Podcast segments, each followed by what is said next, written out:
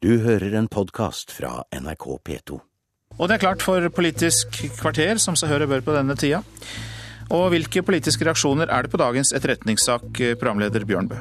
Det får du høre snart, men vi skal også høre om liv og røre rundt økonomisk politikk. Kan Fremskrittspartiet gi økonomisk fyllesyke, er et av spørsmåla.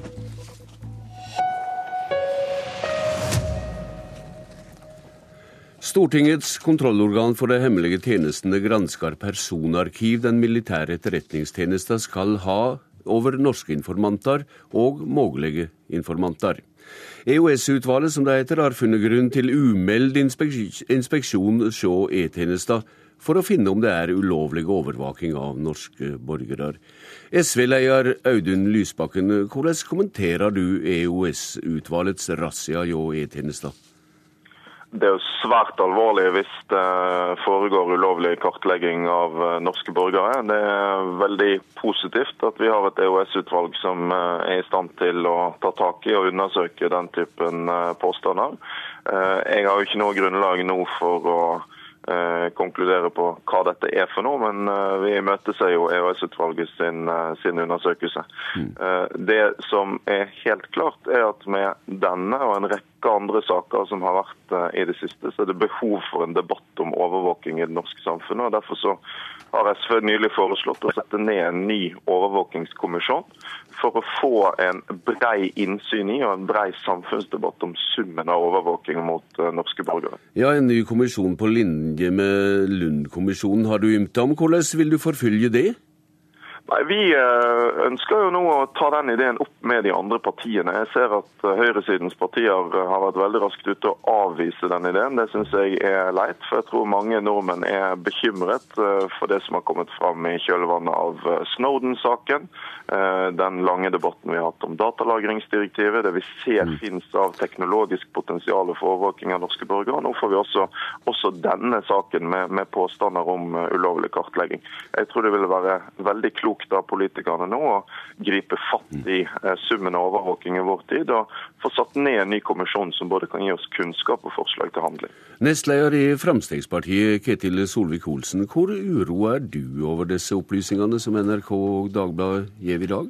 Nei, Jeg mener det er grunn til bekymring. Norske borgere skal ikke frykte, eller trenge å frykte at de blir overvåket av staten. Og Fremskrittspartiet har jo en tilnærming i politikken der individene eh, har sterke rettigheter, og der staten er til for individene, ikke omvendt. Jeg er veldig glad for at EOS-utvalget har gått til dette skritt. Fordi at Da kan vi komme grundigere inn i saken og få klarhet i hva som har skjedd. Så bør vi ikke konkludere før vi vet hva utvalget kommer fram til. Nei, men Dersom det skulle være hall i at her kan det være samla personopplysninger også om folk som ikke er informanter for E-tjenester, eller kan være potensielle informanter, hvordan ser du på det? Nei, E-tjenesten skal selvsagt ikke drive overvåkning som de ikke har lov til. Og hvis det er riktig sånn som en mistenker her, så er jo det svært, svært alvorlig. Så må jeg bare minne Lysbakken om at det er den regjeringen han sitter i som har innført datalagringsdirektivet mot Frp sine stemmer, sånn at den kritikken mot høyresiden bør han òg rette mot sine egne. Den uroa du gav uttrykk for nå, kan den føre til at du likevel vil eh, si ja til Lysbakkens framlegg om en ny kommisjon for å granske de hemmelige tjenestene? Ja, Hvis det viser seg at EOS-utvalget eh, har avdekka ting som er ulovlig, og som Stortinget ikke har hatt mistanke om før, så må en selvsagt ta denne diskusjonen på ny.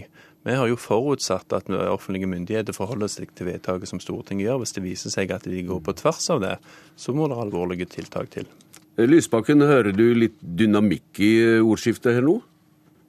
Ja, altså Jeg eh, mener jo at uh, en ny kommisjon burde være en annerledes kommisjon enn Lund-kommisjonen. Ta tak i det som er vår tids overvåkingsutfordringer, ikke bare det som handler om myndighetenes eventuelle overvåking av enkeltpersoner, men det som kan komme fra utlandet, det som kommer via det store overvåkingspotensialet som ligger i alt fra kamera på gaten til, eh, til eh, vår deltakelse i nettsamfunn.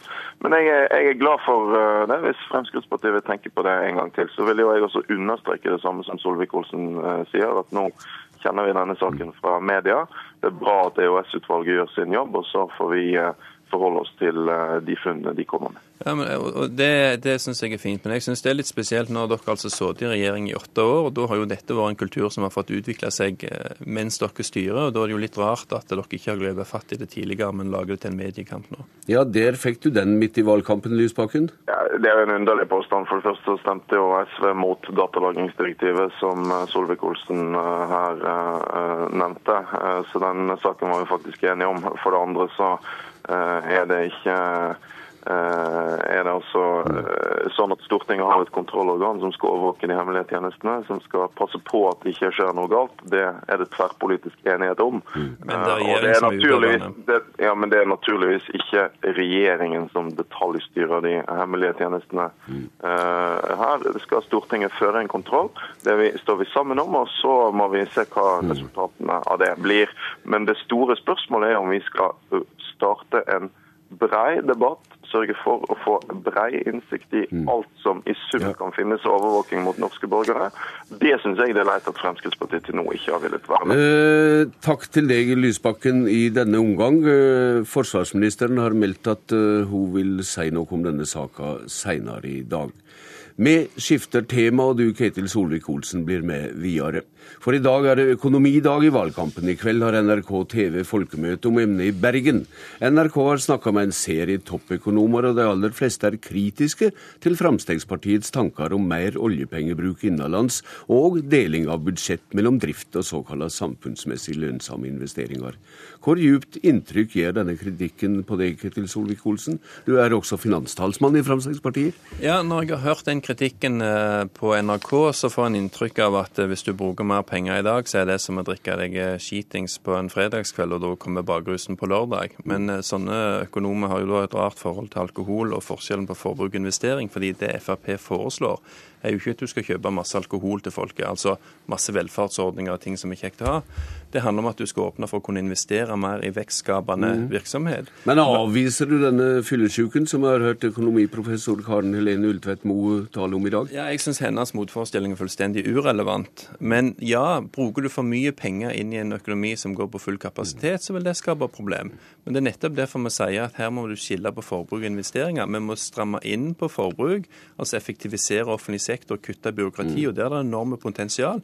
Men så vil vi framskynde viktige investeringer, sånn som i vei, i bedre bygningsmasse til skole og helse. Ja. fordi at det reduserer press i økonomien i framtida. Finansminister Sigbjørn Johnsen, dette er for så vidt kjente tanker. Handlingsregelen som det holder til, inneholder også bo om investeringer. og Hvorfor er det så gale at Fremskrittspartiet peker på det? Det som er Poenget her er jo at jeg er helt enig i det som har kommet fram, og som økonomer sa på radioen i dag. for det at det, det som Fremskrittspartiet prøver å gi inntrykk av, er at det å investere er gratis, mens forbruk koster penger. Eh, og det, blir feil, fordi at begge deler legger press på økonomien. Begge deler betyr at du øker pengebruken, og øker du pengebruken over tid, så betyr det at eh, lønninger går opp. Mm. Renta går opp, eh, arbeidsplasser blir mer utrygge fordi at eh, konkurranseevnen svekkes. Så det har en virkning i økonomien å bruke mer penger, enten det er på investeringer eller forbruk. Ja, Men eh, dersom vi nå legger det til grunn, det du sier her, hvorfor er det så gale å skilje budsjett for drift og budsjett for investeringer? For det, for det første fordi at det er veldig vanskelig. Eh, fordi at Noe av de viktigste investeringer vi gjør i Norge og skal gjøre i Norge i framtida, er å investere i arbeidskraften, i gode skoler, i gode lærere, i barnehager. Med andre ord bygge kunnskap og kompetanse inn i arbeidskraften. I Fremskrittspartiets opplegg så vil det være et offentlig forbruk, mens det å bygge et skolebygg er investering.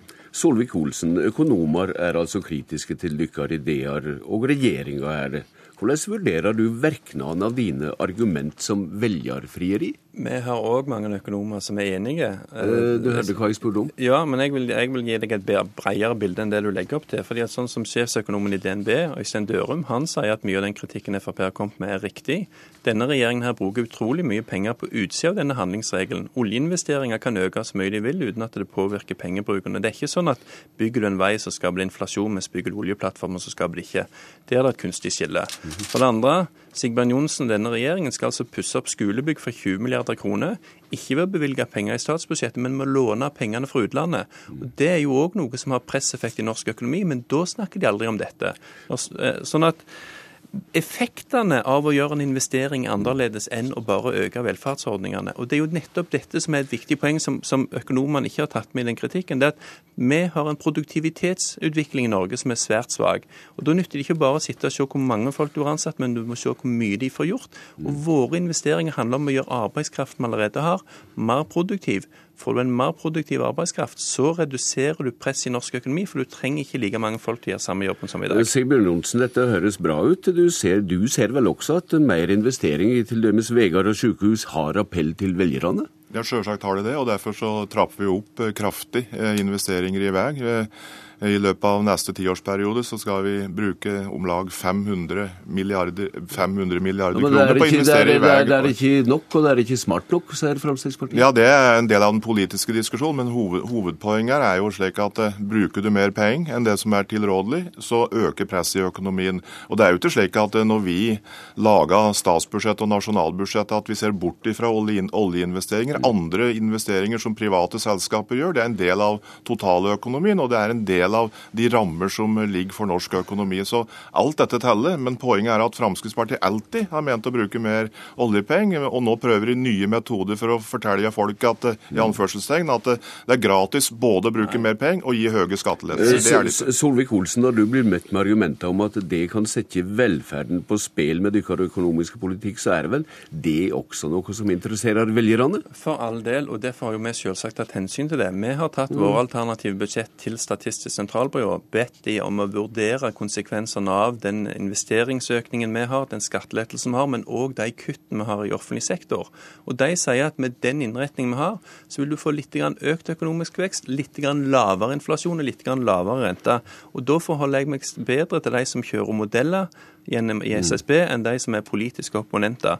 Og Så skal en huske her at Sigbjørn Johnsen skal altså han skal forholde seg til handlingsreglene og si det uansvarlig når vi vil investere mer i vei. Men hans egen regjering har jo sagt de skal lånefinansiere oppussing av skolebygg. De skal låne 100 milliarder kroner til å bygge veier i Norge.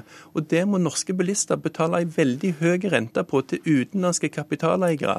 Så istedenfor at vi altså bruker våre egne oljepenger i Norge, så skal Sigbjørn Johnsen låne penger dyrere fra utlandet som bilistene må betale ned med skyhøy rente. Det syns jeg er uansvarlig politikk. og det bare unngår dere å diskutere hele veien. For det, det er på siden av handlingsregelen, og det forholder heller ikke disse økonomene seg til. Det blir svartår dersom det blir regjeringsskifte, Sigbjørn Johnsen, slik du ser det? Jeg vil si tre ting. For det første så er det slik at ja, det er riktig at eh, SSB har gitt en vurdering av eh, FrPs eh, alternative budsjett ett år fram i tid. Men det som må SSB veldig klart advarer mot, det er jo at bruker du mer penger i en økonomi, så vil det over tid bli inflasjon, økt press på lønninger og høyere renter. Det er punkt én. Nei, det, det, vent, vent, vent, vent, litt, Solvik-Olsen. Jo, men han forteller ikke det som er sant. Ja, punkt, punkt, punkt, to nå, så, så, er det jo slik at eh, ja, vi bruker mye oljepenger i Norge. Vi bruker om lag 120 milliarder kroner i året som vi bruker på framtidsrettede investeringer.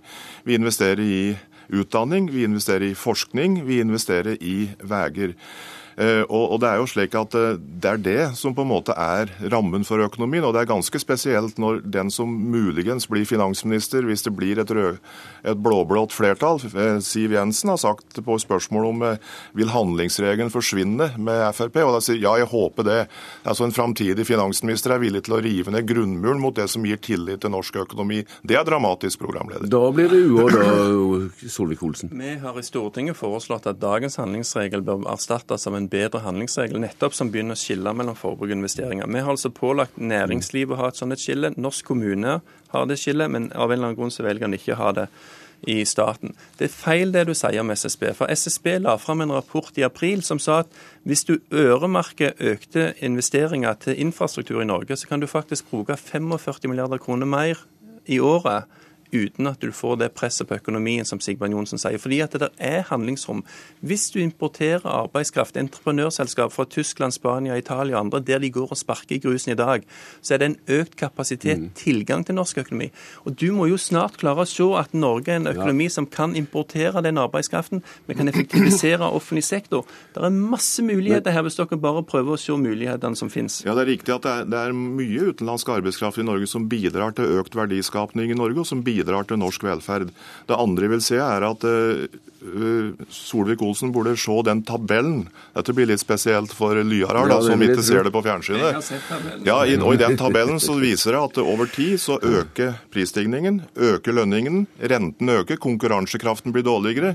Det går dårligere med norsk næringsliv, og dermed går verdiskapningen ned. Det blir resultatet av Fremskrittspartiets Nei, politikk. nå- Da får du ti sekunder. Ja, fordi du snakker usant. F SSB, SSB var jo ute på TV 2 i fjor etter dere krangla om det samme med oss da, og SSB bekrefta min historie. Eh, takk til dere, Ketil Solvik-Olsen og Sigbjørn Johnsen. Så får andre vurdere om det er ærekrenkende det dere sier til hverandre. Politisk kvarter er slutt. Jeg heter Bjørn Bø. Du har hørt en podkast fra NRK P2.